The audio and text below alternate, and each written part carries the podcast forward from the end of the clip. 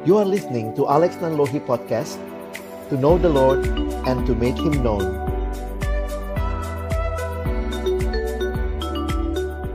Terima kasih, uh, saya juga manggilnya ini Kak Nina ya. Dari dulu kenal Kak Nina. Iya ya. Jadi sampai kapan pun anak-anak maupun orang tuanya ikutnya manggil kakak gitu ya. Iya, senang sekali boleh uh, hadir malam hari ini. Ini namanya berzoom pak ya. Lewat Zoom Bapak Ibu sekalian dan kita bisa sama-sama sharing dan uh, materi yang diberikan malam hari ini tentunya toko Paulus ini sangat banyak aspek ya. Saya tidak bisa mengangkat semua karena waktu yang terbatas dan juga saya pikir kita perlu terus belajar dan mengenal uh, satu tokoh yang unik ini. Nah, malam hari ini saya akan fokus kepada salah satu bagian, tapi nanti juga saya coba memberikan beberapa wawasan buat kita. Mari Bapak Ibu Saudara sekalian, saya ajak kita berdoa sekali lagi sebelum kita akan membuka firman Tuhan. Kami datang dalam ucapan syukur, terima kasih kalau kami hadir sama-sama malam hari ini. Itu karena Tuhan sendiri yang berkenan memanggil kami, memberikan undangan bagi kami dan kami rindu Tuhan. Malam hari ini Engkau berkenan menyapa kami dengan kebenaran firman-Mu. Kami akan membuka firman-Mu, kami mohon bukalah juga hati kami. Jadikanlah hati kami seperti tanah yang baik. Supaya ketika benih firman-Mu ditaburkan, itu boleh sungguh-sungguh berakar, bertumbuh, dan berbuah nyata di dalam hidup kami. Berkati hambamu yang menyampaikan semua kami yang mendengar, juga interaksi di antara kami. Tolong pada akhirnya kami bukan hanya jadi pendengar-pendengar firman yang setia, tapi mampukan dengan kuasa pertolongan rohmu yang kudus, kami dimampukan menjadi pelaku-pelaku firmanmu di dalam hidup kami. Dalam nama Tuhan Yesus Kristus Sang Firman yang hidup, kami menyerahkan PA kami malam hari ini. Amin. Bapak Ibu Saudara yang dikasihi Tuhan, kalau bicara tentang Paulus di Alkitab itu ada tokoh yang namanya atau ada dalam penafsiran Alkitab ada tokoh yang biasa disebut sebagai tokoh bulat, bukan karena bentuk tubuhnya bulat ya, tetapi karena banyak bagian Alkitab yang menceritakan tentang tokoh itu. Nah, itu biasanya karakter-karakter yang disebut sebagai round character, tokoh bulat ya beberapa di Alkitab misalnya yang kita kenal ceritanya banyak seperti Daud. Lalu mungkin kita juga melihat Yusuf ya. Uh, tentu Tuhan Yesus juga ya. Bahkan Tuhan Yesus dari lahir sampai dia bangkit naik ke surga sampai nanti kita juga menanti kedatangannya. Tetapi kita juga melihat ada tokoh Paulus. Sementara ada tokoh-tokoh lain yang tidak terlalu banyak kisahnya sehingga mungkin juga kita tidak dapat gambaran terlalu banyak tentang tokoh itu ya. Misalnya siapa? Uh, istrinya Lot gitu ya. Cuman sekali doang muncul gitu ya. Sehingga orang pada nanya siapa namanya? Siapa nama istri Lot ini? Bingung gitu ya. Namanya siapa? Namanya Nyolot Bapak Ibu ya. Nyonya Lot gitu ya. Jadi kadang ada yang Alkitab tidak perlu sampaikan detail karena fokusnya bukan di situ. Tetapi kalau ada tokoh-tokoh seperti Paulus ini saya pikir ini jadi pelajaran yang menarik juga. Sehingga kalau ditanya karakternya apa wah Paulus ini banyak banget Bapak Ibu ya. Jadi saya mungkin lebih bercerita nanti Bapak Ibu yang coba ikuti begitu ya apa yang uh, kita bisa lihat dari kisah-kisah yang ada ya. Oke okay, uh, eh, saya sudah diperkenalkan tadi. Nah saya mau ambil headingnya adalah kalimat ini kepada penglihatan yang dari sorga itu tidak pernah aku tidak taat. Kadang kita mikir gimana sih caranya bertahan dalam kehidupan? Apa sih yang sebenarnya membuat kita tuh bisa terus teguh berdiri? Dan kita banyak mendapatkan tips gitu ya. Dan mungkin kalau kita baca buku, dengar seminar. Tapi kalau kita belajar dari Paulus, saya coba simpulkan ini nih rahasianya ya hidup Paulus bukanlah hidup berdasarkan apa yang dia mau, tetapi hidupnya adalah hidup berdasarkan apa yang Tuhan mau, karena Paulus dipanggil oleh Tuhan. Kita sering bicara panggilan, tapi sering kali orang Kristen lupa. Kalau bicara panggilan, langsung mikirnya, oh mau jadi apa, mau melakukan apa. Tetapi yang penting, pertama dan terutama, bicara tentang panggilan berarti ada yang memanggil. Dan karena itulah saya melihat Paulus punya pemahaman, pengenalan yang dalam tentang siapa yang memanggil, sehingga dia bisa berkata kepada penglihatan dari sorga itu, tidak pernah aku tidak taat. Ini dipakai kata double negatif ya. Tidak pernah aku tidak taat. Sebenarnya kalau bahasa positifnya, aku senantiasa taat. Nah ini dituliskan di dalam kisah Rasul 26. Saya akan coba bacakan bagi kita ayat 12 sampai ayat 23. Bapak Ibu Saudara perhatikan kitab kisah Rasul itu 28 pasal. Dan kalau kita lihat bagian depan itu Petrus. Itu Petrus kayaknya tokoh utamanya ya. Tapi mulai bagian pasal 9 ke atas, kita mulai melihat tokoh utamanya sampai akhir kisah Rasul sebenarnya lebih banyak bicara tentang Paulus. Dan apa yang menarik? Panggilan Paulus. Bagaimana Paulus dipanggil oleh Tuhan?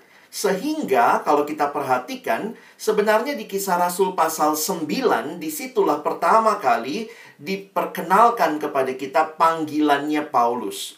Sebenarnya kalau lihat Paulusnya kapan muncul, sudah sejak kisah Rasul pasal pasal yang ketujuh ketika Stefanus dirajam kalau Bapak Ibu masih ingat kisahnya sekolah yang guru sekolah minggu pasti ingat ya maka dikatakan orang-orang meletakkan baju mereka, kayak tempat penitipan baju itu di kakinya, Saulus. Waktu itu namanya masih Saulus. Nah, kenapa kisah ini jadi menarik?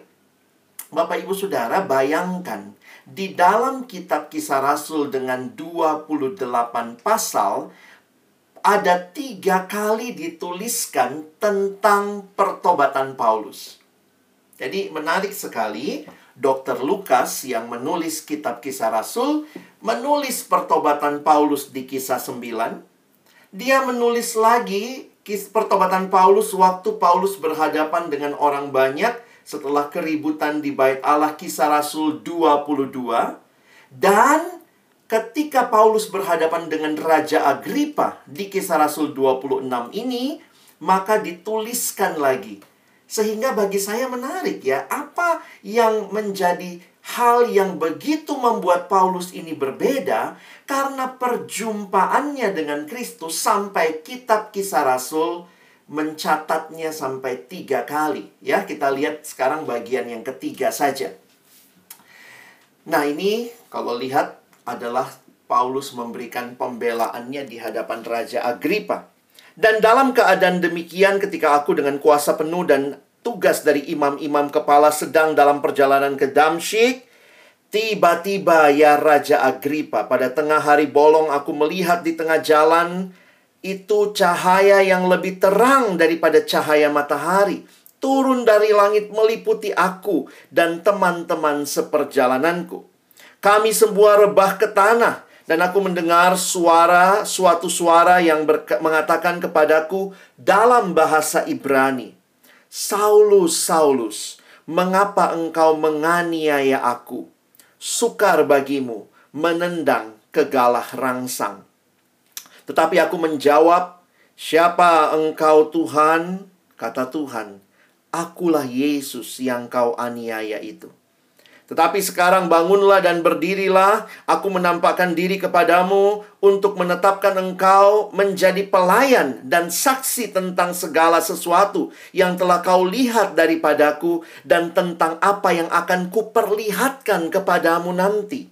Aku akan mengasingkan engkau dari bangsa ini dan dari bangsa-bangsa lain dan aku akan mengutus engkau kepada mereka untuk membuka mata mereka supaya mereka berbalik dari kegelapan kepada terang dan dari kuasa iblis kepada Allah supaya mereka oleh iman mereka kepadaku memperoleh pengampunan dosa dan mendapat bagian dalam apa yang ditentukan untuk orang-orang yang dikuduskan.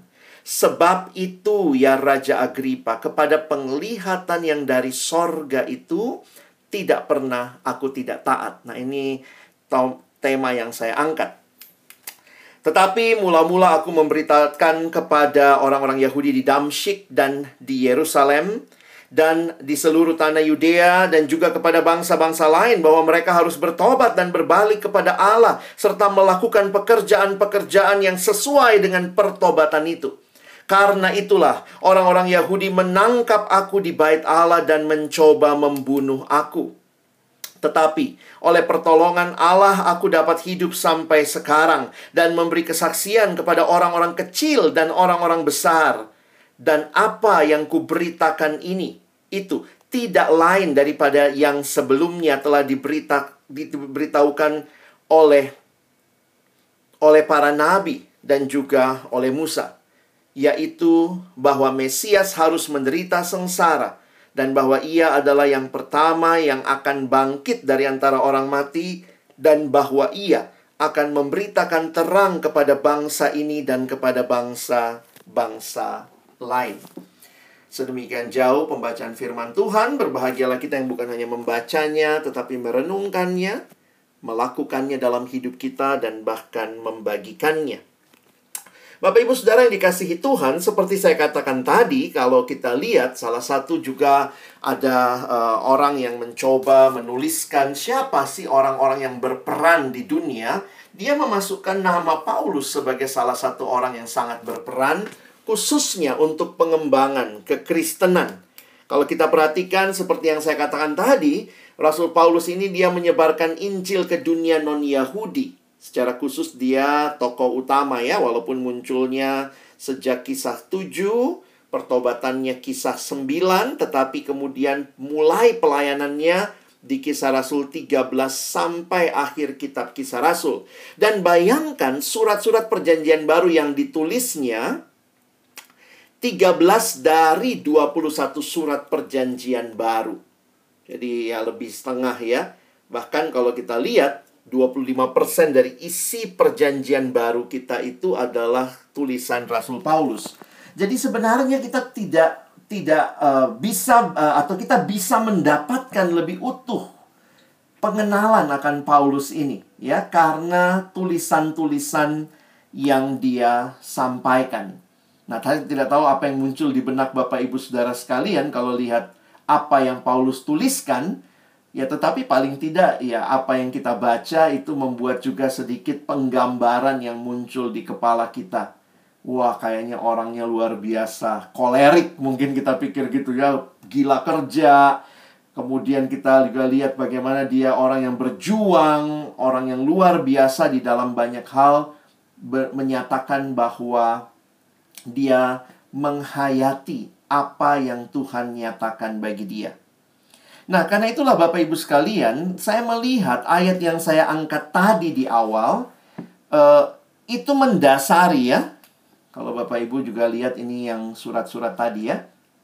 Seperti yang tadi uh, Kak Nina sampaikan, beberapa surat Paulus itu ditulis dari dalam penjara.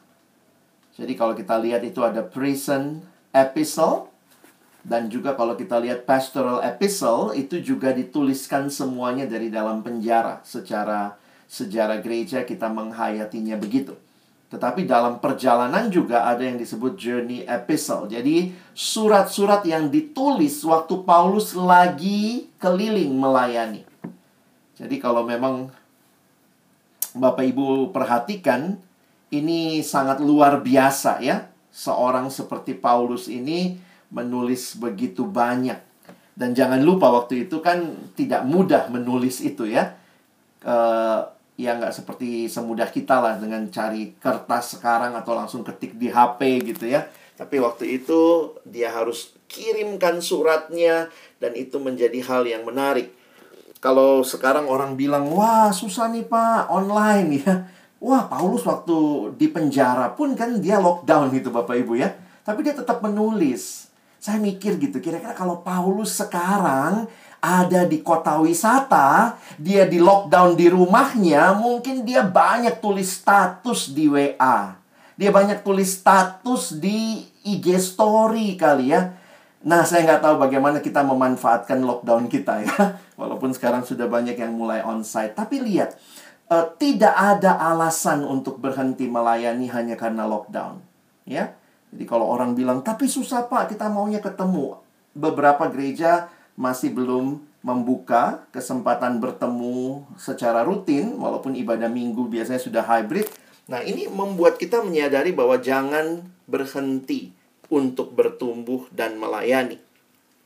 Sekilas tentang latar belakang Paulus, Bapak Ibu bisa perhatikan dia Yahudi Tulen. Tadi sudah diangkat oleh Kak Nina di awal juga. Bapak Ibu bisa lihat sedikit perkenalannya di Filipi pasal 3. Dia Yahudi diaspora, maksudnya apa? Dia tidak lahir di tanah Palestina, dia lahir di Tarsus, di Sisilia. Sekarang itu Turki, dekat perbatasan dengan Syria. Tetapi kalau Bapak Ibu perhatikan, dia walaupun lahirnya di luar Palestina, tetapi dia mengatakan dia orang Ibrani asli. Maksudnya, dari ayah dan ibunya nampaknya mereka di perantauan pun berbahasa Ibrani. Jangan lupa, waktu itu bahasa internasionalnya Yunani ya. Tetapi Paulus dalam pendidikannya tetap lahir di rantau tapi wah kental gitu ya keyahudiannya. Pendidikannya Bapak Ibu bisa lihat di Rabbinical Studies. Jadi sebenarnya dia ini SH ya. Sarjana hukum ya, SHT sarjana hukum Taurat ya. Jadi Paulus ini makanya kalau lihat surat-suratnya wah sangat logikanya itu luar biasa ya. Rabbinical study itu kelompok Farisi itu mempelajari hukum Taurat. Di bawah rabi terkenal yang namanya Gamaliel dan pada waktu itu kalau kita ingat bagaimana dia mau menghancurkan kekristenan. Dan apa semangatnya? Ini semangat mempertahankan kemurnian ajaran Taurat mereka bahwa wah orang-orang yang mengatakan ada Allah lain itu semua harus dilenyapkan karena itu dia minta surat untuk mempersekusi orang-orang Kristen yang dianggap bidat pada masa itu. Tapi apa yang luar biasa di dalam perjalanannya ke Damsyik maka kita perhatikan ya. Nah, ini saya coba kutipkan. Ini versi Kisah Rasul 9 dalam perjalanannya ke Damsyik ketika ia sudah dekat kota itu tiba-tiba cahaya memancar dari langit mengelilingi dia. Jadi kalau Bapak Ibu perhatikan yang saya katakan tiga tempat di kisah 9, kisah 22, dan tadi kisah 26. 26 kita sudah baca juga tadi ya. Dan apa yang menarik yang saya perhatikan memang ada sedikit lah beda-bedanya ya. Misalnya siapa sih yang lihat cahaya itu Paulus aja atau teman-teman perjalanan yang ada sedikit perbedaan catatan termasuk misalnya siapa yang uh, mendengar suara itu ya. Tetapi kalimat tentang uh, uh, apa ya? Siapakah engkau Tuhan yang Saulus Saulus mengapakah engkau menganiaya aku itu muncul ya Bapak Ibu Saudara di dalam bagian ini. Dan perhatikan respon Paulus. Ini kesimpulan yang dia sampaikan kepada Raja Agripa. Karena kalau itu kita perhatikan konteksnya tadi, ya Raja Agripa, kepada penglihatan yang dari sorga itu tidak pernah aku tidak taat. Bapak Ibu biasanya kalau kita berubah, maunya tuh berubah lebih baik, benar ya? Maunya berubah ya kalau masalah kerja ya kerjanya lebih baik. Masalah penghasilan kalau berubah pengennya lebih baik lagi juga penghasilannya. Tetapi ada hal yang menarik kalau Bapak Ibu perhatikan. Sebelumnya Paulus begitu giat menganiaya orang percaya. Tetapi perubahan yang terjadi setelah dia kenal Tuhan itu tidak mudah Bapak Ibu bayangkan kalau ada orang yang selama ini menganiaya, anggaplah menganiaya kekristenan, terus dia bertobat gitu ya. Maka pasti awalnya tuh nggak mudah. Siapa yang percaya ini orang bener-bener tobat nggak ya? Jangan-jangan tomat, tobat kumat. Ntar besoknya kumat lagi begitu. Nah karena itu kalau Bapak Ibu perhatikan dalam sejarah gereja dan juga kalau kita lihat di dalam kitab Galatia, Paulus dikatakan sempat pergi ke Arab. Oh, mungkin Bapak Ibu kaget, Hah? Ke Arab? Dari mana Pak? Ya nanti baca di Galatia ya. Dia sempat ke Arab, jadi kayaknya karena memang sulit diterima, maka dia mengasingkan diri dulu ke Arab. Lalu kemudian beberapa penafsir Alkitab mengatakan di situlah dia memikirkan ulang. Ingat, Paulus sudah sarjana hukum Taurat. Tetapi dia melihat seluruh hukum-hukum Allah yang ada di dalam perjanjian lama itu dengan kacamata yang baru. Dan karena itulah sesudah itu dia datang ke Yerusalem. Itu menurut beberapa prediksi dari para penafsir Alkitab. Jadi Paulus butuh waktu Bapak Ibu ya. Dan jujur kalau saya katakan sejak dia kenal Tuhan, sejak hidupnya di, di, di, disentuh oleh Tuhan, sebenarnya itu semua hal-hal yang dia alami itu boleh dikatakan jalan penderitaan. Ini yang saya bilang tadi ya. Orang tuh kalau berubah pengennya lebih baik. Kalau tadinya mungkin dia pemimpin, penganiaya, tapi dia di kalangan rasul pun agak lama baru diterima ya. Sehingga menarik buat kita perhatikan apa yang membuat Paulus kok bisa tetap stay, bisa tetap ikut Tuhan walaupun dia ditolak, masih dicurigai, dia tetap kepada apa yang Tuhan mau. Bahkan dia katakan penderitaan menjadi bagian yang dia alami. Apa sih yang bikin Paulus ini berubahnya bahkan rela mati-matian demi Kristus? Nah ini nih. Kepada penglihatan yang dari sorga itu tidak pernah aku tidak taat. Kalau bahasa kita sekarang ini visi ya. Visi itu kan melihat ya. Paulus melihat atau mendapatkan penglihatan dari Tuhan bahwa Tuhan mengkhususkan dia untuk menjadi rasul bagi bangsa-bangsa lain. Memang betul dia tetap punya beban buat saudara seimannya, tetapi Tuhan panggil dia untuk memberitakan Injil.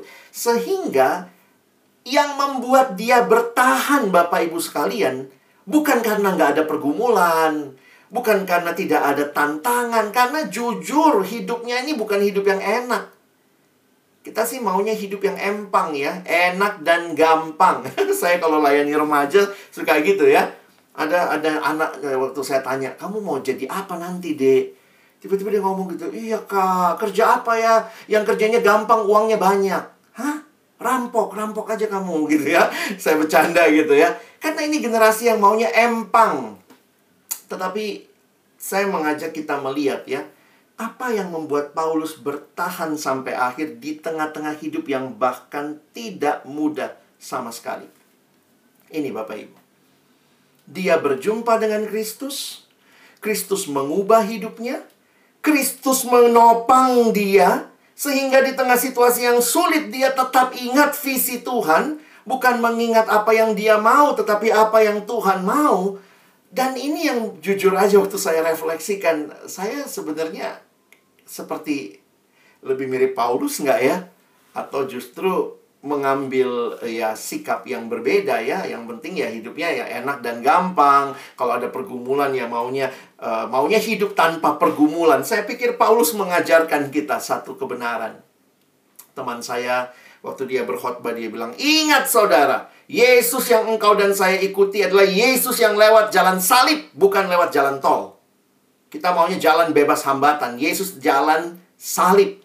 Dan Paulus menegaskan bahwa penderitaan, pergumulan, kesesakan itu jadi bagian hidup yang dia alami karena dia mau hidup bagi Allah, dekat dengan Tuhan.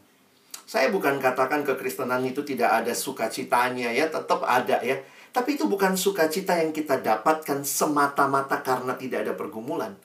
Tetapi di tengah situasi yang sulit, lihat Paulus. Oke, Bapak Ibu saya coba ambil beberapa highlight buat kita ya. Sebenarnya slide-nya saya bisa berikan, sudah ada di uh, Kak Tasya juga. Bapak Ibu, kita perlu sedikit belajar ya. Kenapa saya senang tahun-tahun ini? Memang ini di, di rekonstruksi oleh para para uh, ahli teologi ya, ahli tafsir.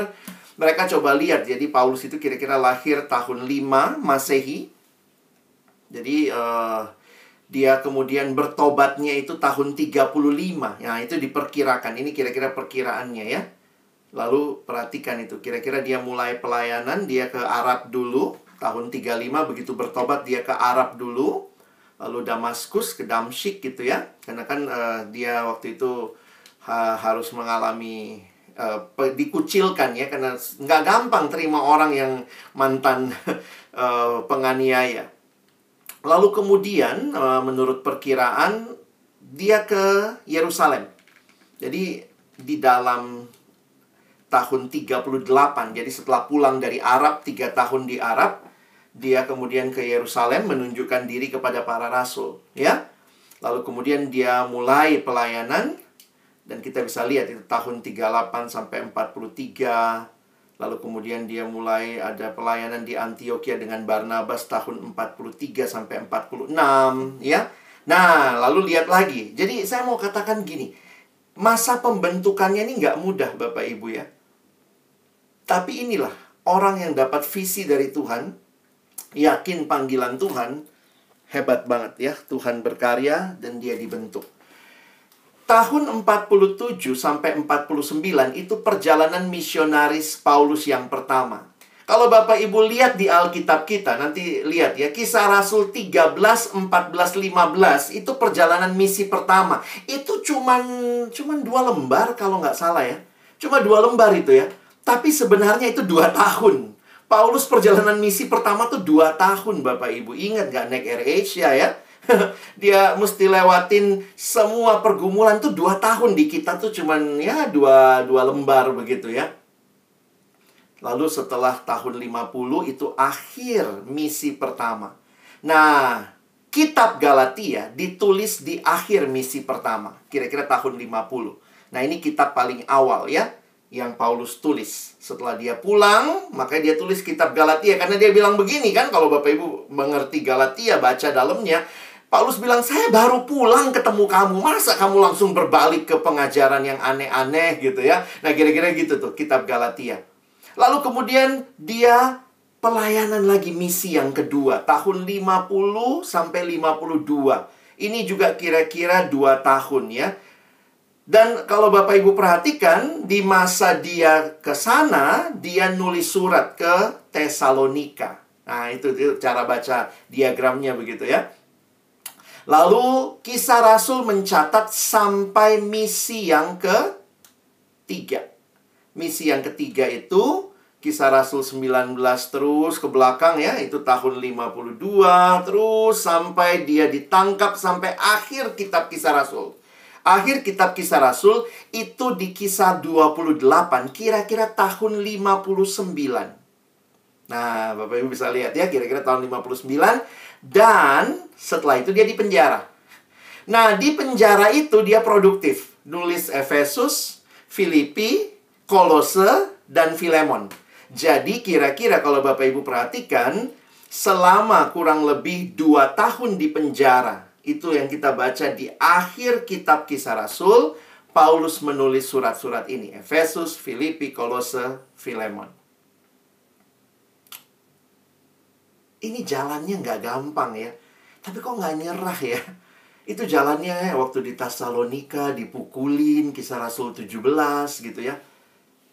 Saya kalau eh sorry kisah Rasul 16 di Filipi kan dipukulin, ditaruh di penjara paling tengah kalau guru-guru sekolah minggu cerita tuh ya tengah malam dia nyanyi sama Silas gitu ya pengen tahu nanti di surga tuh nyanyi lagu apa ya yang bikin gempa bumi ya lagu apa itu tapi yang menarik gitu keluar dari penjara ngapain pelayanan lagi itu yang nggak masuk akal saya waktu saya baca kitab Kisah Rasul 16 Dari Filipi baru mengalami di penjara Dipukulin Keluarlah dia dari Filipi Eh, dia pergi ke Tesalonika. Ngapain? Bukan rekreasi, bukan ambil cuti, lanjut pelayanan.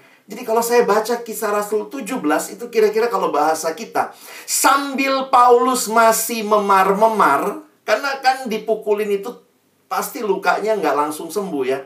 Masih memar-memar eh udah pindah ke kota yang lain lagi untuk apa? Untuk melayani. Ingat dong, bukannya kamu di Filipi kemarin ditangkap karena melayani. Harusnya keluar penjara ya stop dulu Paulus. Rest dulu, tunggu tenang dulu. Oh tidak, Paulus lanjut lagi pelayanan di Filipi. Lanjut ke Tesalonika. Di Tesalonika ditolak, lanjut lagi ke Berea, kisah Rasul 17 ayat 11 ke bawah. Apa sih orang ini? Kenapa begitu rupa hidupnya dikuasai oleh visi Allah? Bukan sekadar oleh kondisinya.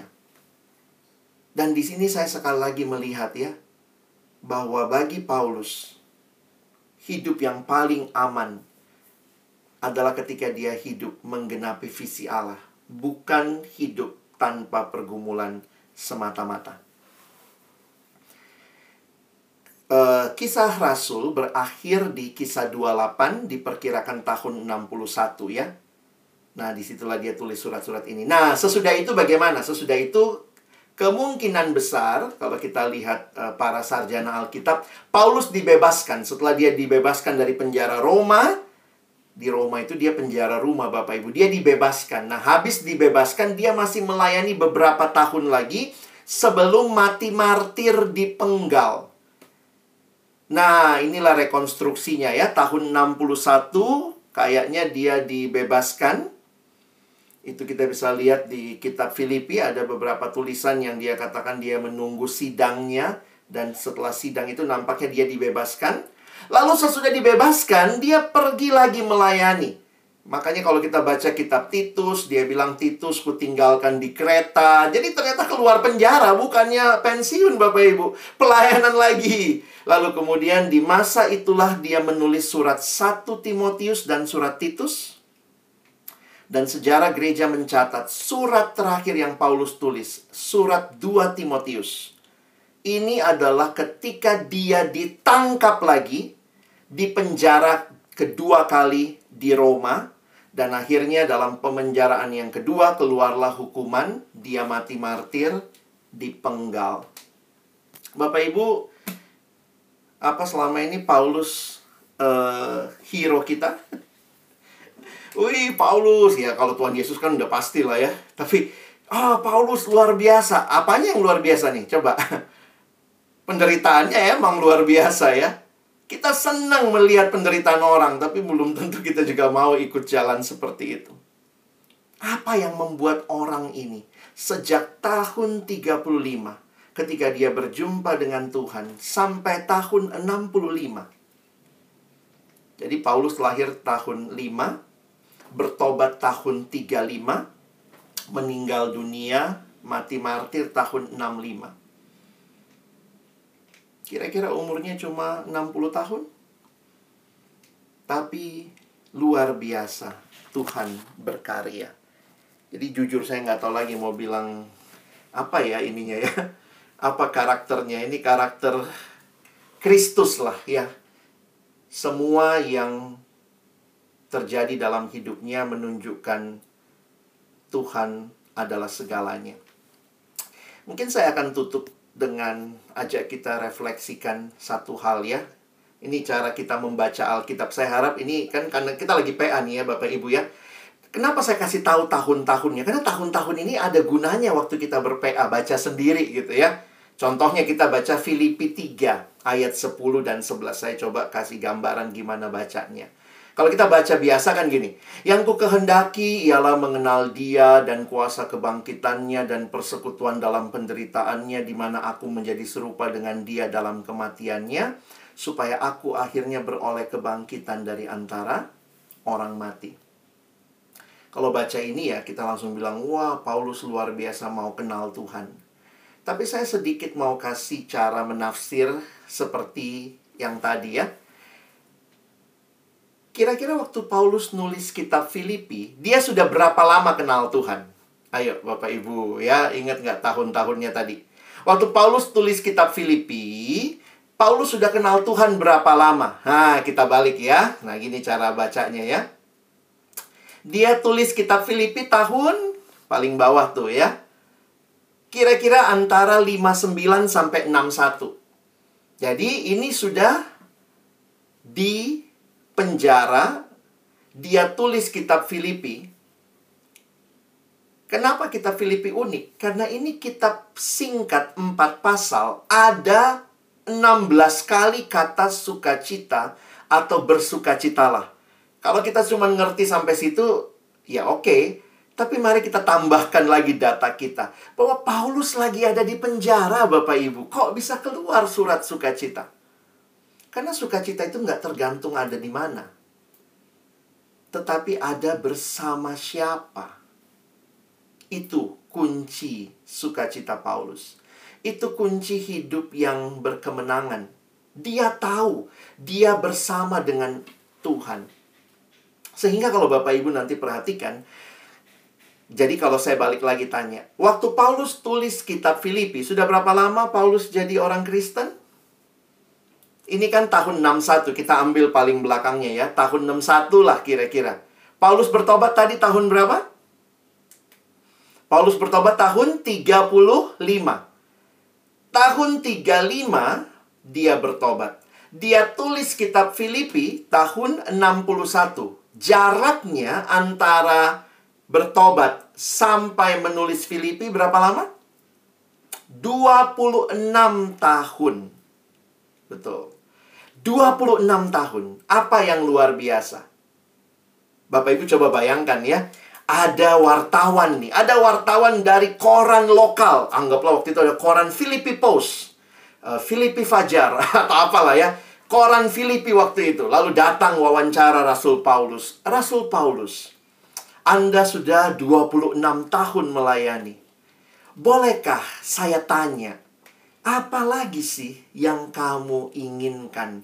Apalagi Rasul Paulus yang kamu rindukan? Lalu Paulus jawab, Yang ku kehendaki ialah mengenal dia. Beda nggak Bapak Ibu? Berasa? Yang ngomong ini orang yang sudah melayani Tuhan, sudah kenal Tuhan, sudah jadi rasul, sudah ikut Tuhan 26 tahun. Tetapi kerinduannya kayak anak sekolah minggu yang baru tahu baca Alkitab. Kakak-kakak, saya pengen kenal Tuhan Yesus. Kayak anak remaja yang baru ikut camp. Aduh kak, saya sudah kenal Yesus, saya pengen kenal dia. Tapi yang nulis ini, Rasul besar yang sudah 26 tahun kenal Tuhan dan kerinduannya sederhana. Paulus mau apa? Aku ingin kenal dia. Kenapa Paulus bertahan Bapak Ibu ya? Karena hidupnya adalah hidup yang mengenal Tuhan bukan hanya 26 tahun lalu, tapi terus-menerus kerinduannya sama. Kerinduannya sederhana. Tidak ada dari kita yang sudah terlalu kenal Tuhan sampai kita rasa saya tidak perlu lagi terus bertumbuh. Buat saya, hamba Tuhan, buat Bapak Ibu mungkin ada yang pendeta. Kami juga belum selesai kenal Tuhan. Ini perjalanan seumur hidup. Tidak ada yang sudah sampai. Yang ada adalah semua yang sedang berjalan makin kenal Tuhan. Karakter ini apa ya?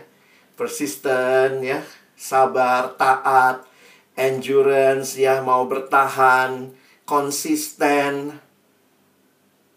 Dan ini pengenalan yang luar biasa ya, karena ini pengenalan transformatif mengenal dia dan kuasa kebangkitannya dan persekutuan dalam penderitaannya di mana aku menjadi serupa dengan dia, makin mirip Kristus. Sudah ada nggak ya teman kerja kita atau nggak usah jauh-jauh lah anak kita atau saudara kita atau orang tua kita di rumah waktu lihat hidup kita, ih kamu makin Yesus, ih Yesus banget kamu, uh Yesus sekali kamu ya. Kalau belum begitu sih ya, mungkin juga nggak tahu waktu orang lihat kita jangan-jangan dia bilang dasar lu anak setan gitu ya. Karena makin mirip setan kita ya. Tapi pengenalan Paulus adalah pengenalan yang membawa perubahan hidup makin hari makin serupa dengan Kristus. Sudah berapa lama kita kenal Tuhan? Mungkin beberapa bapak ibu udah lebih lama dari Paulus jadi orang Kristennya ya Wah saya udah dari kecil pak. Sekarang aja udah umur 40-50 tahun. Wah saya udah kenal Yesus dari dulu. Alkitab udah hafal baca bolak-balik Dari depan sampai belakang Terus baca lagi dari belakang sampai depan. Tetapi ini mata kuliah yang tidak ada wisudanya Bapak Ibu Di dunia ini. Mata kuliah mengenal dia. Mau wisuda? Ya silahkan ke sana ya. Ada yang mau wisuda duluan? Titip salam nanti ya buat kita yang masih dikasih kesempatan hidup. Hidup tetap punya pergumulan karena kita ada dalam dunia yang sudah jatuh dalam dosa. Tapi inilah hidup yang mengerti visi Allah. Berjalan dipimpin oleh Allah dalam pengenalan yang hari demi hari. Sehingga tidak heran ya di akhir hidup Paulus bilang apa Bapak Ibu? Di akhir hidupnya dia bisa berkata dengan sangat luar biasa. Aku telah mengakhiri pertandingan yang baik. Wah, kalimat itu bagi saya satu kalimat yang luar biasa karena ada satu bagian yang saya ingin kita pahami ya. Sebentar, coba Bapak Ibu perhatikan sebentar. 2 Timotius, surat yang terakhir. Ini di mana Paulus tulisnya? Di penjara. Saya senang ngajak kita bayangkan ya. Bapak Ibu mau matinya di mana? Mau meninggalnya di mana?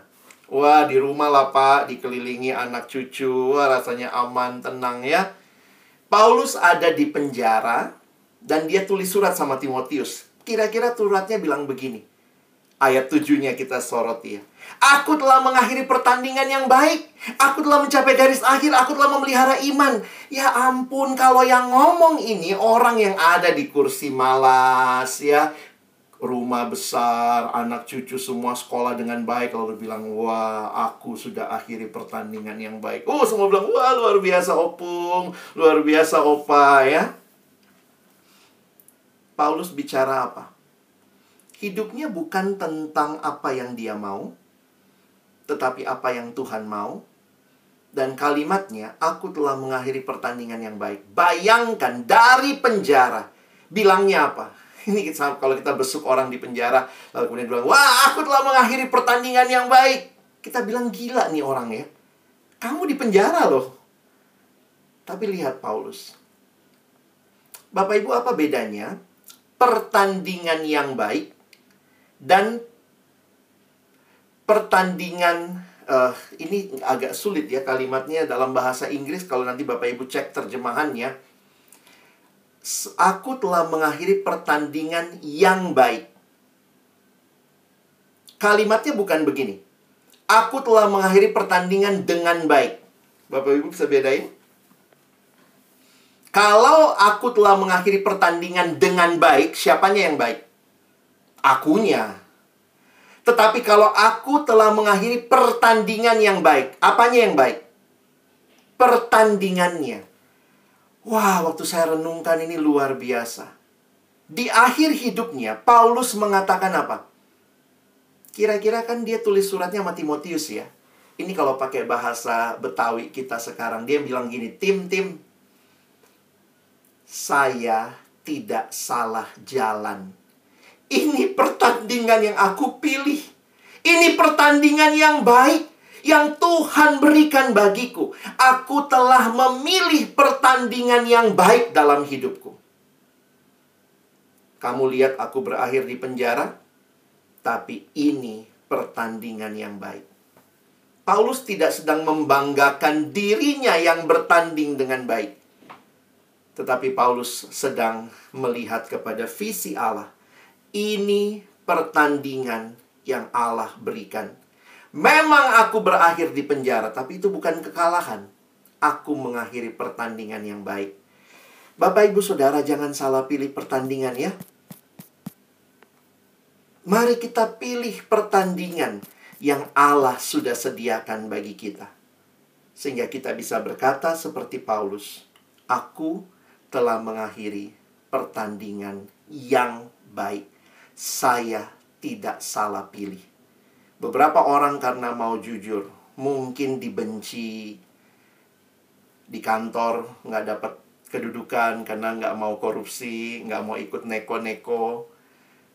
Mungkin karena mau hidup benar, ada resikonya dijauhin orang, dibilang sok pendeta lah, dibilang sok kudus lah.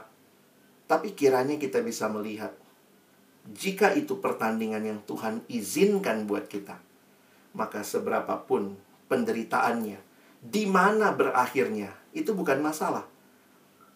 Tapi bersama siapa? Kalau itu bersama Tuhan, bagi kemuliaan Tuhan, kiranya kita tidak salah pilih pertandingan. Kiranya Tuhan menolong kita, boleh merefleksikan hal-hal ini dalam hidup kita, Mohon maaf Bapak Ibu saya tidak bisa mengcover banyak hal tapi kiranya pemahaman ini menolong kita untuk bisa uh, terus ya belajar dari Paulus dan boleh hidup semakin serupa dengan Kristus. Amin.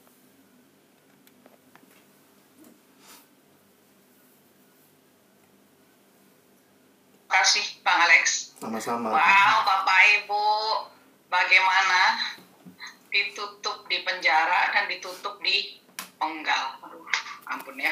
Begitulah ya tokoh kita malam hari ini. Oke, Bapak Ibu, malam hari ini kita akan uh, apa namanya ada ruang tanya jawab begitu ya. Saya coba apa uh, resume begitu ya beberapa hal yang berkesan bagi saya mungkin ya begitu ya.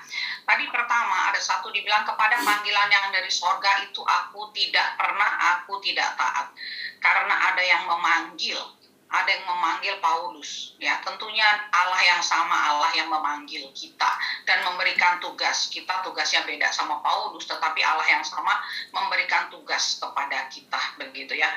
Yang kedua yang saya catat adalah sukacita kita tidak tergantung pada situasi ya kan tetapi pada hidup yang bersama dengan Tuhan ya situasi apa pun kesulitan boleh kita alami masalah boleh datang. Tetapi bersama Tuhan itu penting begitu ya.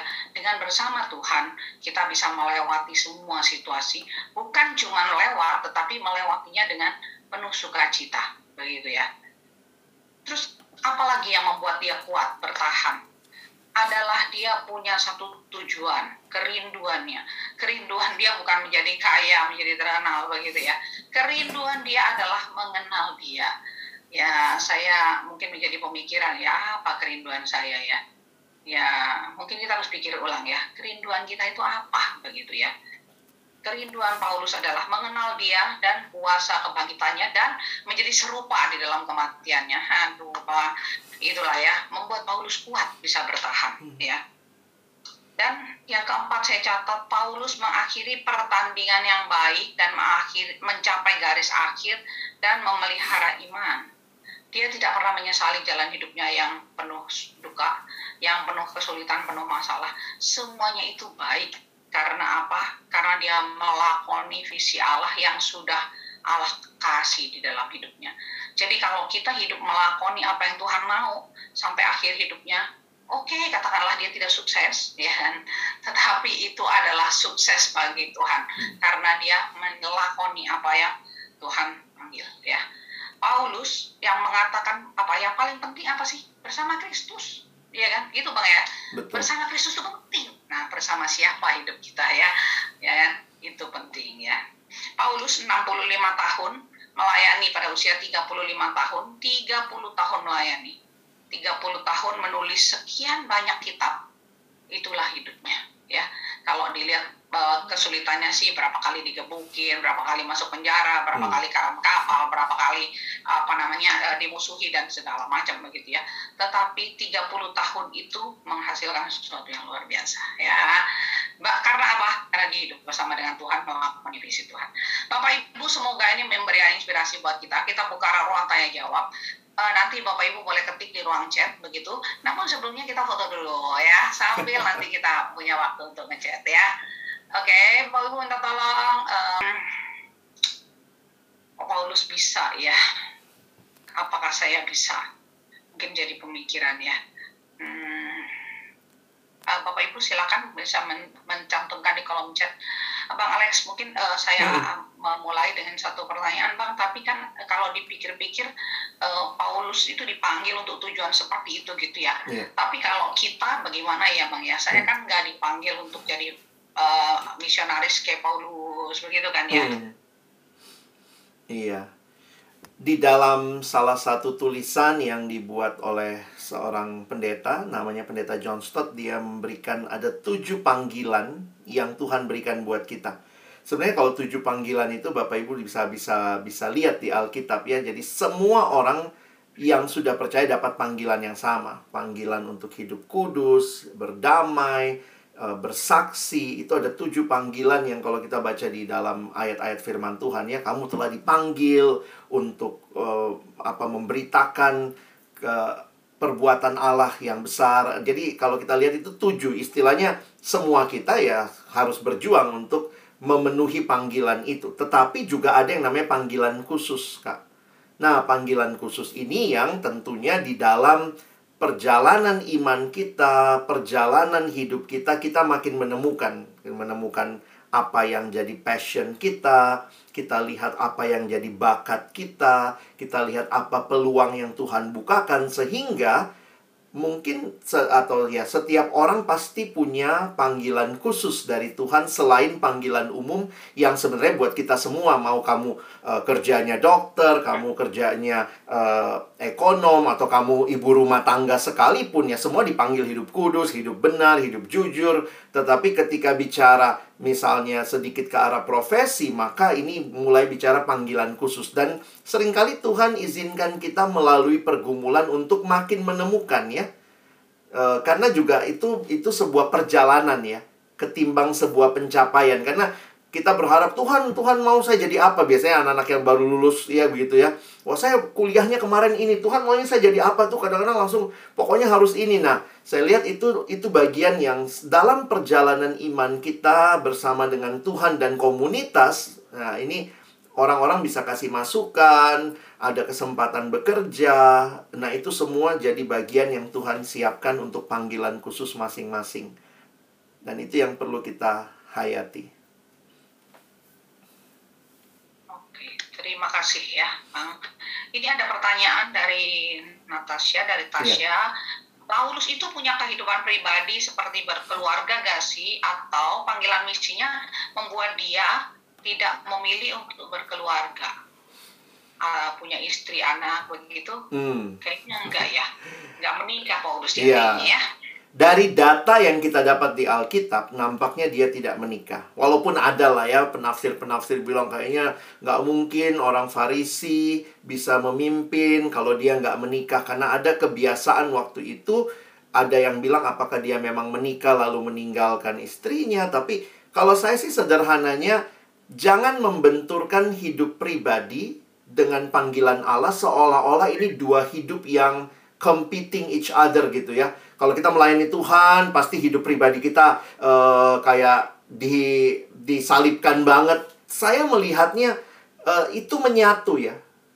Visi Allah itu menyatu dengan hidupnya sehingga ya mungkin kalau pakai bahasa yang Tasya katakan uh, apa yang dia pilih atau pilihan-pilihan hidupnya, termasuk tentunya menikah atau tidak, itu dia kaitkan dengan apa yang Tuhan mau untuk dia lakukan. Dan saya pikir ini bukan cuma masalah menikah atau tidak menikah. Apakah misalnya penggunaan uang yang kita miliki pun kita sesuaikan dengan seirama dengan apa sih yang Tuhan mau. Jadi uh, saya tetap melihat uh, itu jadi bagian yang tidak terpisahkan ya.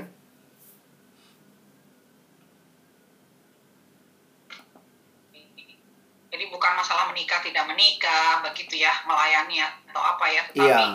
Tuhan memanggil dia dan akhirnya dia memilih jalan itu gitu ya. Mm -mm. Karena gini kak, banyak orang berpikir kalau dapat panggilan Tuhan tuh pengorbanannya kayaknya banyak gitu ya.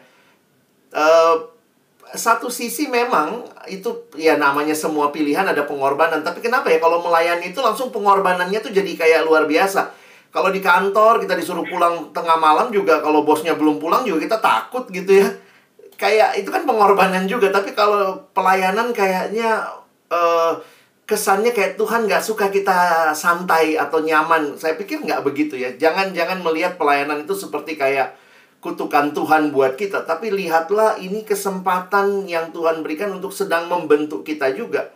Mem karena privilege ya, bisa melayani itu sebuah privilege saya pikir. Iya, benar juga ya. Kadang-kadang kita pulang kantor malam, terus diomel-omelin bos gitu, kita nggak menganggap itu penderitaan ya. Uh, enggak, karena dibayar ya, Kak. Kalau, di, di gereja kadang-kadang kelas sedikit sama temen itu kok kayaknya gimana gitu ya padahal sebenarnya sama-sama juga masalah ya iya. oke oke interesting interesting oke ada pertanyaan dari Kak Uti nih bagaimana meyakinkan orang lain dan juga diri sendiri bahwa memiliki tujuan hidup seperti Paulus dalam hal ini mengenal Yesus dan menjadi sama dengan kematiannya adalah hal yang baik. Hal yang menda hal mendasar apa yang bisa kita sampaikan mengenai hal ini? Khususnya saat kita mengajar anak sekolah minggu. Biasanya kan kita lebih suka hidup tanpa penderitaan. Nah kau ini juga pejuang sekolah minggu. Wah. Sering-sering nyanyi aja kak ya Saya mau ikut Yesus meskipun saya susah. Jangan sampai susah. Menderita dalam dunia, kita nggak pengen menderita. Kalau saya sih melihatnya untuk anak-anak memang kita harus tolong mereka melihat dari hal-hal yang paling sederhana ya. Uh, dan ya kita untuk meyakinkan orang saya pikir yang pertama dan terutama teladan hidup. Karena khususnya buat anak-anak yang belum bisa baca, mereka anak-anak yang masih kecil sekali, tetapi itu masa-masa emas mereka menyerap nilai karena mereka lihat ya, mereka lihat. Saya nggak tahu bapak ibu seperti apa, apa yang berkesan dari guru sekolah minggu bapak ibu sekalian gitu ya waktu dulu atau dulu malah nggak suka datang sekolah minggu lagi. Tapi poinnya adalah saya nggak banyak ingat apa yang mereka ajarin ya. Tapi yang saya ingat waktu saya mau pipis dianterin, itu aja. Yang saya ingat waktu saya ingusnya meleleh, uh, dilapin gitu ya. Itu yang paling sederhana ya. Sehingga ada kesan-kesan tertentu dan juga tentunya ya, nanti makin anak itu dewasa, apa yang kita ajarkan. Saya tetap yakin firman Tuhan pasti berkuasa, tidak akan kembali sia-sia. Tetapi uh, juga sertai dengan teladan teladan memilih untuk misalnya ya ya datang tepat waktu. Itu hal-hal sederhana sih tetapi it it speaks louder than our words.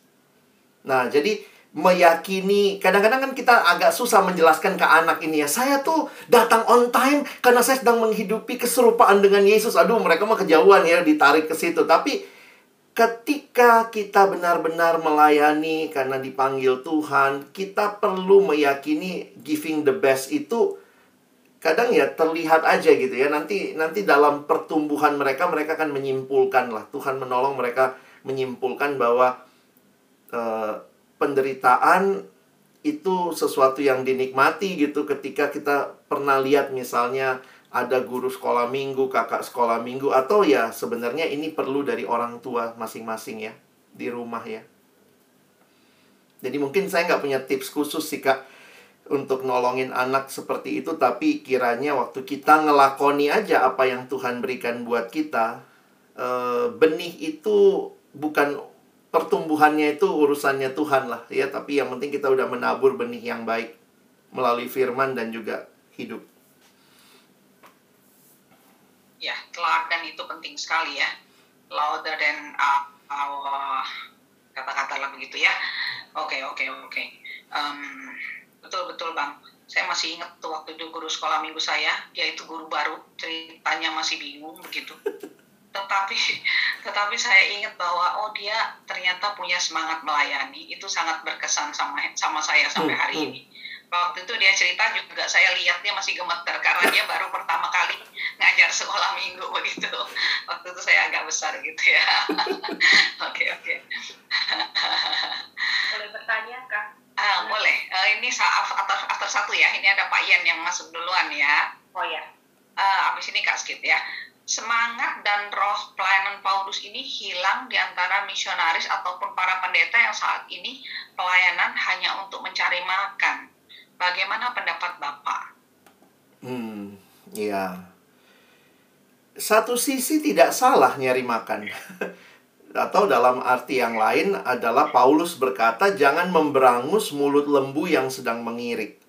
Kalimat itu muncul dalam 1 eh, Korintus 9 dalam kaitan dengan hamba Tuhan sebenarnya perlu hidup atau dia dia bisa dia akan hidup dari dari apa yang uh, Tuhan provide melalui jemaat ya.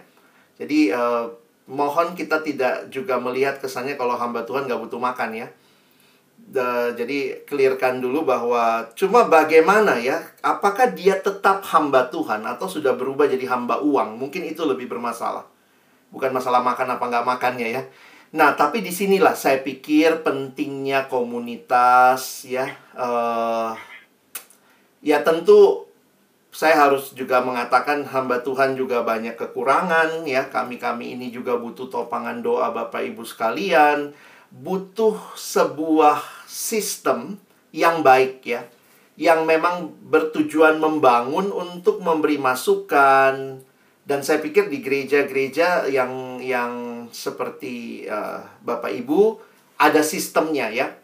Ada sistem mengajukan usulan, mengevaluasi, ada sistem lah. Yang memang agak masalah kalau itu terjadi di gereja-gereja yang tidak punya sistem. Lalu hamba Tuhan jadi segala-galanya. Memang tidak ada sistem gereja yang sempurna. Makanya di situ kita perlu dan Tuhan Yesus nggak kasih satu sistem ya. Paulus aja yang menulis nggak ada satu sistem. Apakah yang penguasa gereja itu majelis atau pendeta? Nah itu itu suka inilah ya itu pergumulan tiada akhir itu ya. Di gereja tertentu penguasanya majelis. Jadi pendetanya takut sama majelis gitu ya. Jadi kadang-kadang bukan hamba Tuhan, hamba majelis gitu ya. Karena kalau majelis ngomong nanti tahu-tahu pendetanya bisa dipindah nanti gitu ya. Nah, tapi ada lagi yang uh, takut sama pendeta karena di beberapa sistem tuh pendeta penguasa gereja. Kalau kamu nggak setuju sama saya, kamu majelis, kamu yang keluar. Masa saya yang keluar, saya yang punya gereja gitu ya. Nah, banyak yang nanya, jadi Pak yang mana yang baik? Ini sistem gerejanya, pendeta utamanya. Ini udah bikin dosa kok nggak bisa ditegur. Nah, saya pikir kita mesti ya bersyukur Bapak Ibu ada di gereja yang punya sistem. Uh, ya pelajari tagar baik-baik lah ya untuk misalnya menyampaikan dan menolong carilah cara menolong ya. Tentu ikut prinsip Alkitab tegur kalau nggak dengar bawa saksi lebih banyak. Jadi supaya uh, kita perlu saling menjaga ya supaya tidak jadi hamba uang tapi tetap hamba Tuhan. Karena masalah motivasi kebutuhan hidup juga begitu ya. Kadang-kadang orang nanya berapa sih gaji yang cukup? Coba bapak ibu kalau disuruh tanya berapa gaji yang cukup? Bingung jawabnya ya. Di dunia ini yang ada cuman standar kemiskinan. Nggak ada standar kekayaan ya. E, ditetapkan berapa USD satu hari gitu. Kenapa adanya standar kemiskinan gitu? Kalau kekayaan nggak ada. Nah, ingat sebagaimana Bapak Ibu bisa tergoda dengan uang, maka hamba Tuhan bisa tergoda sama uang. Sebagaimana Bapak Ibu bisa tergoda dengan seks, maka uh, hamba Tuhan bisa tergoda dengan seks. Sebagaimana Bapak Ibu bisa tergoda dengan tahta, jabatan, ingat hamba Tuhan pun bisa tergoda. Karena itu kita butuh sistem yang saling menjaga. Thank you, Bang. Kita juga perlu mendoakan juga ya. Betul. Yang melayani, iya. ya, Bang ya. Betul. Oke, Kak Skit tadi ya, selanjutnya ya. Silakan Kak Skit. Kak Skit masih uh, masih mute? Oke, selamat malam Mbak Nina. Selamat malam. Uh, yang pertama, saya jadi uh, kepikiran ya ngelihat uh, bagaimana tulisan tentang uh, 2 Timotius 4 ini kadang kan suka dicantumkan di teman-teman uh, atau saudara kita yang mendahului kita gitu ya, rest and peace gitu ya. Lalu dia menuliskan, aku telah mengakhiri pertandingan yang baik. Gitu ya. Bagaimana uh, kita menyikapi ayat ini terhadap hmm, teman atau saudara kita yang mencantumkan ayat ini gitu. Padahal mungkin bukan seorang uh, hamba Tuhan atau pejuang seperti Paulus yang luar biasa kayak begini gitu ya. Jadinya saya mikir, waduh kayaknya malu gitu ya kalau uh, mencantumkan ini gitu ya ketika akhir hidup kita. Mungkin jangan-jangan bikin pesan, jangan tulis kayak begini ya, malu ya nggak belum apa-apa gitu mungkin seperti itu. Terus yang kedua, nah uh, pada saat itu kan belum ada tulisan seperti uh, ter ter apa ya ter uh, tersusun dengan baik dari kitab Matius, Markus, Lukas, dan Yohanes. Dan ketika Paulus dipanggil, apa ya yang menjadi modal dia untuk belajar? Sehingga kok dia bisa menuliskan seluruh kitab yang ditulisnya dia ini sampai 13 surat ini begitu detail, begitu apa ya sampai saat segala zaman gitu ya menceritakan tentang menuliskan tentang bagaimana Yesus sebagai Tuhan dan juru selamat itu kok ya uh, apa ya ya sempurna mungkin ya kalau secara pribadi gitu ya saya melihat uh, bagaimana pengajaran itu sampai saat ini dari mulai uh, pribadi sampai kepada gereja. Apakah saat itu dia sudah dapat tulisan tentang uh, Injil?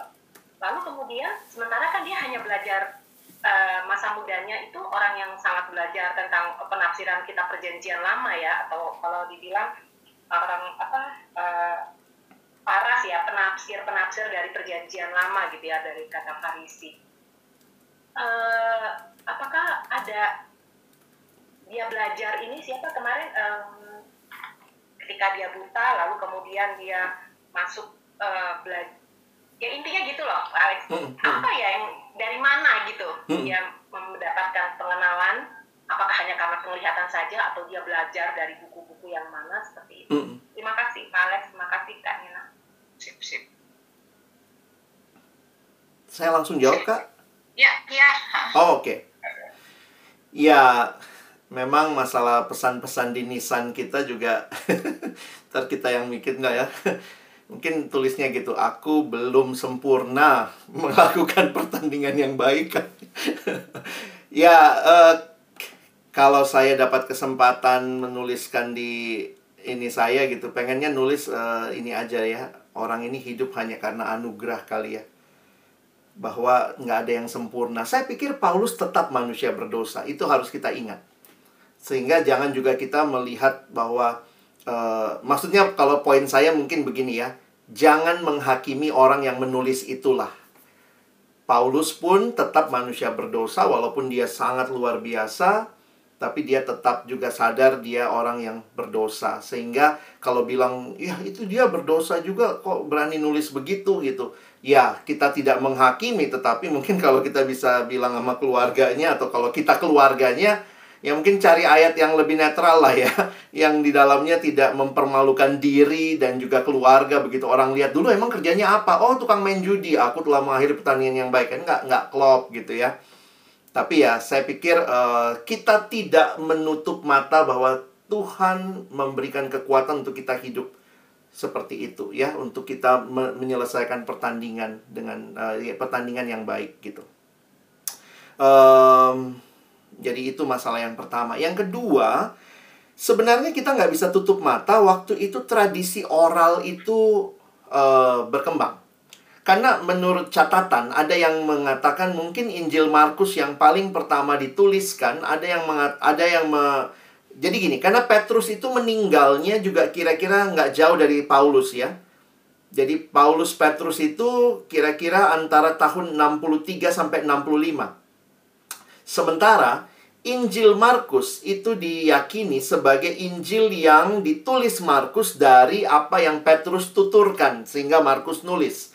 Jadi ada kemungkinan berdasarkan penanggalan kalau benar yang penanggalannya karena ada dua penanggalan. Ada yang bilang Markus tahun 65 berarti kan sesudah Paulus mati, sesudah Petrus mati. Ada yang bilang itu sekitar tahun 50-an. Jadi ada kemungkinan Paulus mungkin juga sudah membaca Injil dan ingat Paulus ketemu rasul, ketemu Petrus dan kawan-kawan. Walaupun tidak ada sumber tertulis, tetapi jangan lupa tradisi lisan mereka karena mereka nggak kayak kita ya. Dulu-dulu waktu belum ada handphone kita hafal ya nomor telepon temen ya. Masih ingat nggak waktu zaman-zaman dulu ya? Sekarang kita udah lupa tuh kalau nggak ada handphone nggak tahu nomor telepon gitu. Nah ingat masyarakat mereka masyarakat yang terbiasa bertutur dan mengingat melalui penuturan. Sehingga mungkin Paulus juga mendengarkan kisah tentang Yesus. Misalnya kan Paulus ada tulis, seperti kata Kristus, kata Yesus lebih berbahagia memberi daripada menerima. Kita nggak ketemu di Injil mana tuh. Nggak ada kan? Itu adanya justru di kalimat Paulus di 1 Korintus. Nah, itu, uh, sorry, satu apa dua Korintus maksud saya, dua Korintus. Nah, poinnya adalah ada hal-hal atau tidak semua itu dituliskan dalam Injil, tetapi ada tradisi penuturan. Jadi kalau dari mana Paulus tahu tentang hidup Yesus? Oh, pasti banyak lah. Dia ketemu dengan murid-murid yang lain, dia pernah ketemu Petrus, para rasul. Tapi yang kedua, eh, bagaimana dia bisa memahami begitu dalam perjanjian lama, mengkaitkan semua kepada Kristus? Kayaknya itu eh, yang disebut dengan eh, pengalaman Arab Arabian, ya. Jadi apa yang terjadi di Arab, para ahli menduga dia melihat ulang semua penafsiran perjanjian lama yang dia kuasai, tapi sekarang lensanya adalah lensa Kristus dan dia lihat oh iya ya ini penggenapannya Yesus. Ini penggenapannya Yesus. Jadi kita bisa meyakini bahwa Allah memelihara dan itu semua jadi menolong Paulus punya teologi yang solid setelah tiga tahun selesai dari Arab itu. Ya itu kira-kira dalam tradisi kita belajarnya seperti itu. Oke bang, Jadi merenung itu penting sekali ya. Betul. Jadi akhirnya luar biasa ya tulisannya ya. Ini ada pertanyaan selanjutnya, apakah kehadiran Paulus ini merupakan skenario besar dari Tuhan untuk kehidupan kekristenan kita? Ya, jawaban singkatnya pasti ya, karena tidak ada hal di luar rencana Tuhan. Tapi ingat, poinnya ini bukan cerita Paulus lalu Tuhan masuk, tetapi ini cerita Tuhan yang mengundang Paulus masuk ke dalamnya. Jadi itu cara kita mengerti panggilan. Bapak Ibu bukannya kita punya cerita, kita punya panggilan lalu kita bilang Tuhan ayo masuk dong. Tetapi penghayatan kita ini ceritanya Tuhan, lalu Tuhan undang kita masuk ke dalam ceritanya sehingga ini privilege. Makanya Paulus tuh hayati kepada penglihatan yang dari surga itu. Tidak pernah aku tidak taat. Karena Paulus nggak punya rencana apa-apa. Rencananya justru membunuh orang Kristen. Tapi Tuhan ubah. Tuhan bilang, sekarang saya mau kamu ngelakoni, kamu jadi pemberita kebenaran. Nah, itu cara kita mengerti ya. Jadi kalau Bapak Ibu, saya membimbing anak-anak remaja, saya bilang jangan kamu selalu berpikir bahwa saya mau jadi apa, lalu Tuhan berkati. Tetapi Tuhan mau saya jadi apa? Itu cara berpikir itu menolong dia untuk setiap langkah paling tidak dia berdoa, dia bertanya, dia bergumul. Nah, itu bagi saya jauh lebih aman daripada saya mau jadi ini. Sementara hanya punya tekad yang kuat tapi Tuhan cuma jadi embel-embel gitu ya. Oke, jadi Tuhan bukan tukang stempel kemauan kita ya. Yes, persis. Kita nggak ngasih list belanjaan sama Tuhan minta di approve ya. Bagaimana ya respon keluarga atau orang-orang terdekat Paulus dengan sikap imannya? Apakah dengan legowo tanpa tuntutan atau dengan penyesuaian? Sedangkan realita keluarga kita mungkin belum tentu bisa menerima dengan legowo sikap iman yang militan. Yang nggak ada tulisan kali ya, mungkin atau Hmm. ada kisah yang lain, Bang. Tidak ada data khusus. Tapi ingat, nah ini bagi saya yang menarik gini ya. Kita kan nggak diminta hanya jadi seperti Paulus. Paulus pun mau serupa Yesus. Jadi kira-kira bagaimana respon keluarga Yesus waktu lihat Yesus? Jadi nggak usah bicara militan dulu lah. Yesus yang begitu begitu rupa pun keluarganya bilang gila lah keluarganya eh, mencela dia. Nah, maksudnya gini, kalau Bapak Ibu dan saya ikut bukan masalah ikut Paulus ya, ikut Yesus aja. Ada yang nggak ngerti, saya pikir itu justru menolong kita untuk makin mengasihi keluarga kita ya. Dalam ketidakmengertian mereka. Nah, salah satu yang sering jadi masalah waktu mereka nggak mengasihi atau mereka salah mengerti, kita responnya malah kebalik, marah- marah-marah, lalu merasa kayak gue lebih rohani dari kalian semua, kalian nggak ngerti nih. Jadi beberapa kali saya lihat kalau ada yang bermasalah dengan keluarga, ini bukan masalah militan juga ya. Tetapi bisa jadi kita kurang tepat berelasi dengan keluarga kita. Dan di sini saya pikir perlu hikmat juga. Oke, terima kasih Bang. Hikmat ya, kunci selanjutnya ya. Kata selanjutnya. Ini ada dari Pak Sandy. Bapak Pendeta Alex, dalam perjalanan hidup kita, bagaimana kita mengerjakan keselamatan yang dikerjakan Allah dalam diri kita terkait dengan surat Paulus kepada jemaat di Filipi, Filipi 2 ayat 12 sampai 15 bagaimana kita mengerjakan kehendaknya sehingga kehendak Allah menjadi kehendak kita mengingat godaan dunia ini sangat luar biasa mohon pencerahannya Pak Wah, thank you Pak Sandy. Ini sebuah realita yang kita semua alami ya. Saya pikir Tuhan kasih kita tiga hal yang sebenarnya bukan belum dikasih, tapi sudah dikasih. Nah, tiga hal ini yang saya lihat menjadi hal yang Tuhan rindukan kita nikmati untuk menghadapi tantangan dunia. Yang pertama, Tuhan memberikan roh kudusnya. Itu, yaitu dirinya sendiri ya. Dia adalah Allah, Roh Kudus Allah yang menyertai kita. Jadi ingat Bapak Ibu, kita tidak sendiri. Aduh, dunia nih begitu kuat, dunia begitu besar tantangannya. Ya, itu dunia, tapi yang menyertai Bapak Ibu adalah Allah, Roh Kudus diam di dalam kita. Ingat itu. Yang kedua, Tuhan kasih kita firman Tuhan.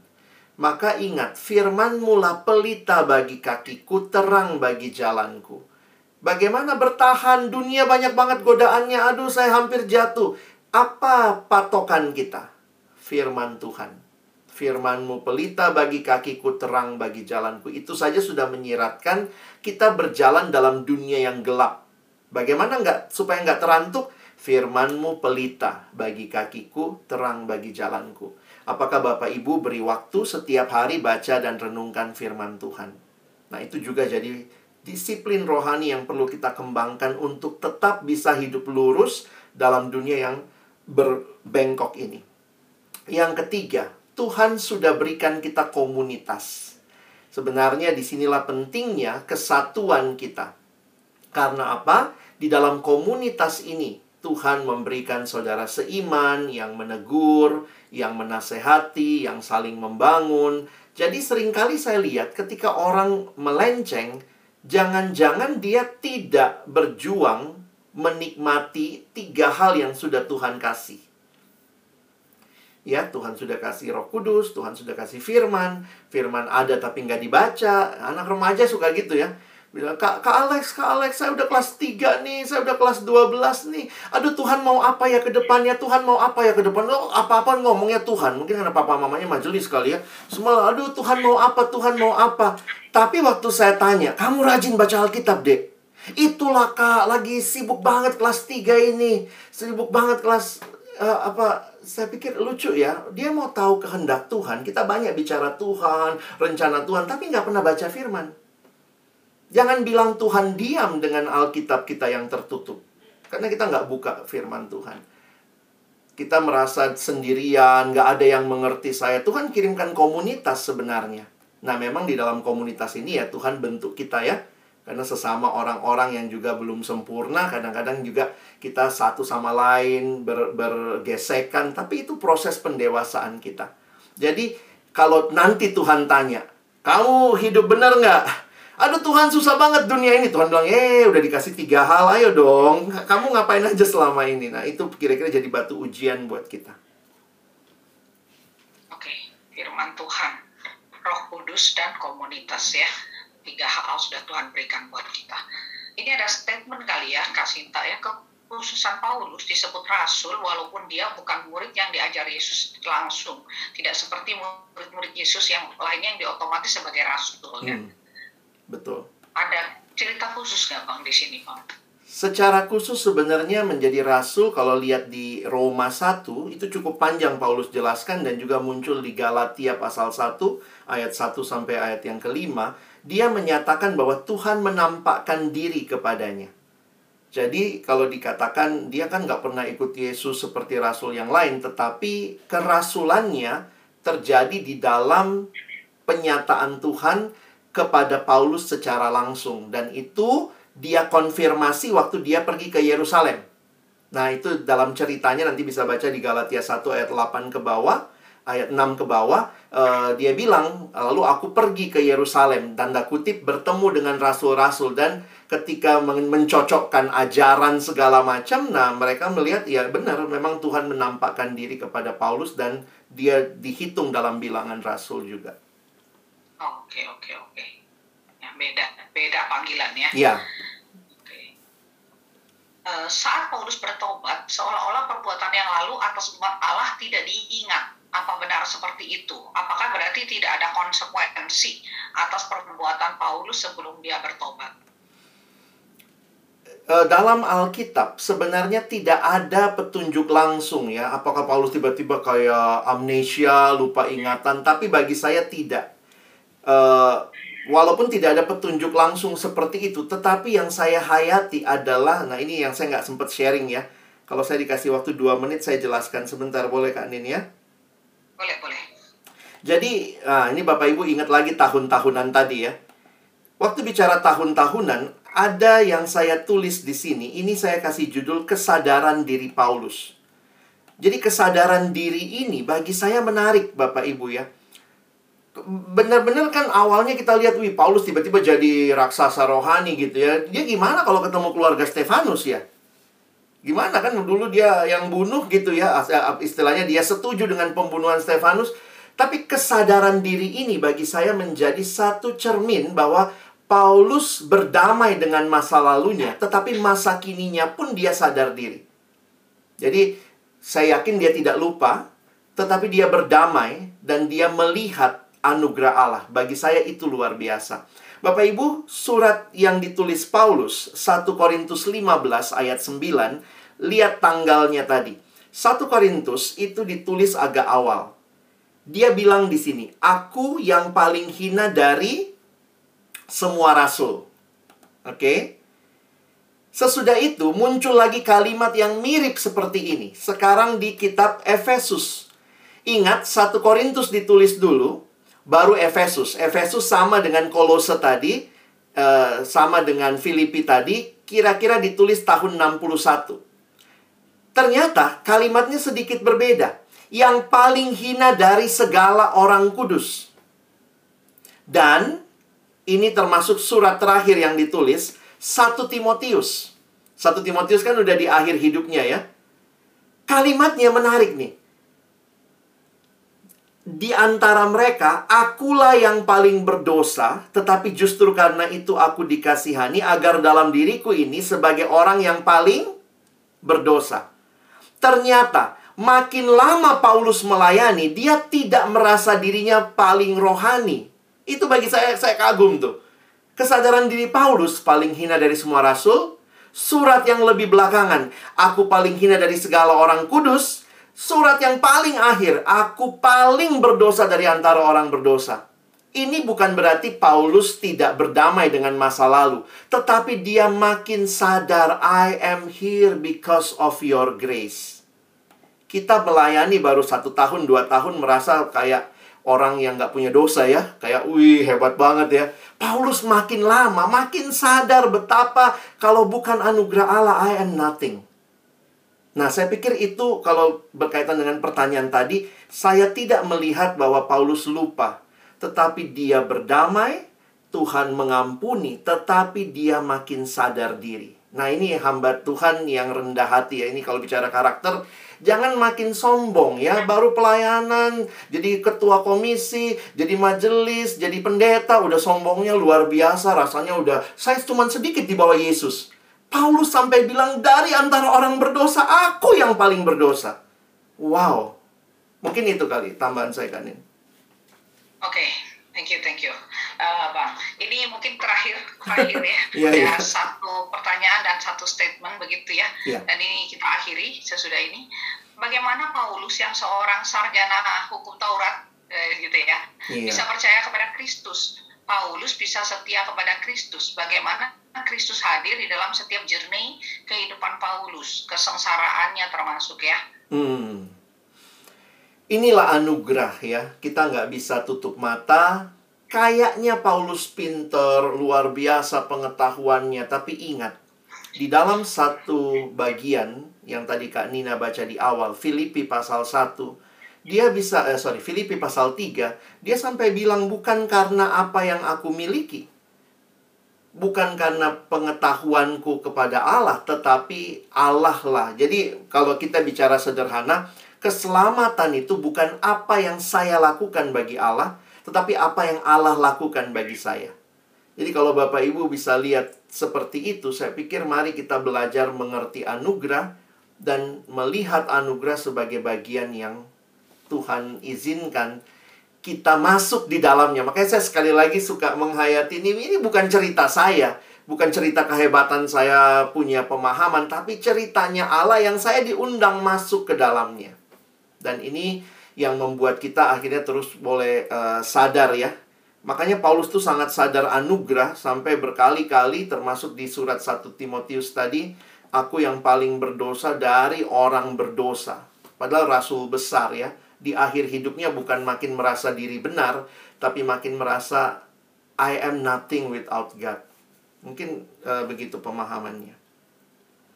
Oke, tadi waktu abang ceritain itu ada kom ada komen dari Kaudi Yeah. Walau begitu Paulus meskipun kesadaran itu ada dia bilang walaupun begitu Paulus berani bilang ikutlah teladanku karena Betul. aku telah mengikuti aku karena mengikutlah mengakhiri pertandingan begitu ya. Betul. Oke. Okay. Maksudnya uh, ikutnya juga uh, gitu kali kan ini ya. Kalau saya sih menggarisbawahi ikutlah Paulus termasuk ikut makin sadar diri, jangan makin sombong. gitu ya. Jadi kadang-kadang kan kita gitu ikut Paulus tapi kita ya beda banget sikapnya. saya juga sadar waduh saya mau jauh banget ya. Masih berjuang. Aduh ini masih ada satu lagi boleh ya? Boleh. Ini ayat ayat ini menarik karena ini dituliskan Paulus dalam situasi pelayanan yang sudah luar biasa, Ya. rela di penjara dan lain-lain. Mengapa bisa demikian? Apakah artinya Paulus dalam menjalani semua pelayanan yang saat itu tanpa pengenalan yang benar, hanya ketaatan tanpa pengenalan? Demikian ya. Kalau baca konteksnya memang demikian. Karena sebenarnya konteks Filipi 3 Bapak Ibu harus baca dari ayat 4 sampai 7, dia bilang itu hidup lama. Hidup yang dia bahkan sudah sarjana hukum Taurat, tapi dia bilang dia tidak kenal Tuhan atau dia belum dikenal Tuhan. Ya kalau baca itu sampai ayat 14 ke bawah tuh indah sekali. Jadi memang ini kontras. Paulus mengkontraskan ya bahwa di luar pengenalan akan Tuhan itu nothing. Bahkan dia pakai kalimat semuanya kuanggap sampah. Iya, karena pengenalan akan Kristus lebih mulia daripada semuanya. Semuanya itu Hmm. keren. Wow, keren sekali bang. Jadi boleh eh, apa kita akhiri PA kita? Wah makin malam makin seru nih ya. Oke, Eh, mungkin abang ada statement, final statement buat kita bang, pesan Hmm. tentang. Sebegitu hebatnya Paulus yang kita pelajari malam hari ini, tapi dia ma- mau makin serupa Yesus. Ternyata jauh lebih hebat Yesus ya. Jadi di dalam diri hamba Tuhan yang besar, ternyata ada Tuhan yang jauh lebih besar. Dan kiranya kita pun makin kenal Tuhan yang besar itu. Paulus bisa jadi inspirasi kita, tapi Paulus pun bisa berkata, "Ikutlah aku, sebab aku pun mengikut Kristus." Kiranya eh, PA malam hari ini menolong Bapak Ibu makin cinta Tuhan, makin mau kenal Tuhan sehingga inspirasi Paulus juga boleh jadi kehidupan yang kita lakoni. Amin. Thank you bang, mengenal Kristus ya. Oke, mengenal dia dalam kuasa dan kebangkitan. Wow. Oke, mari kita itu menjadi bagian pesan kita malam hari ini. Bapak Ibu, eh, Bang Alex terima kasih banyak Sama-sama. sudah menjelaskan panjang lebar. Kalau kita diskusi bisa sampai besok begitu ya, masih makin hari makin seru. Maybe next time kita berjumpa dalam uh, topik yang berbeda. Uh, malam hari ini Bapak Ibu kami mohon uh, bantuannya untuk memberikan evaluasi di link yang sudah dikirimkan di chat begitu. Uh, Mari kita berdoa. Bapa Surgawi, terima kasih banyak kami boleh belajar dari firman-Mu, dari orang yang Tuhan pilih, orang yang Tuhan panggil untuk mengerjakan misimu. Dan ini juga menolong kami merefleksikan diri bahwa kami juga umat-Mu, milik kepunyaanmu. Kami dipanggil juga oleh Tuhan untuk hadir di dalam dunia ini, di dalam konteks di mana pun kami berada. Biarlah refleksi kami dari kehidupan Paulus menolong kami juga mulai melihat lebih jelas kepada Allah dan terus memohon Tuhan kami pun semakin serupa dengan Kristus, teladan kami yang agung. Berdoa biarlah kehidupan kami yang kami sadari ada di dalam dunia yang penuh dengan begitu banyak tantangan, yang bahkan mencoba menarik kami jauh dari apa yang Tuhan mau. Tetapi kiranya apa yang kami pelajari dari kehidupan Paulus, bahkan penderitaan rela dia tanggung karena dia mengerti apa yang menjadi visi Allah, apa yang Allah berikan, karunia yang sudah mengubah hidupnya dari seorang yang begitu rupa menganiaya menjadi seorang yang menjadi berkat bagi banyak orang. Tuhan, terima kasih. Kiranya apa yang kami pelajari boleh juga terus kami hidupi di dalam keseharian kami. Terima kasih untuk teman-teman pengurus yang boleh menyiapkan semua acara ini bagi kami dan semua kami yang hadir. Kerinduan kami malam hari ini. Kiranya kami bukan hanya jadi pendengar-pendengar firman yang setia, tapi jadikanlah kami pelaku-pelaku firman-Mu di dalam kehidupan kami. Kami tutup PA kami malam hari ini di dalam satu nama yang kudus. Nama Tuhan kami Yesus Kristus, penebus dan juru selamat kami yang hidup kami sudah berdoa. Amin.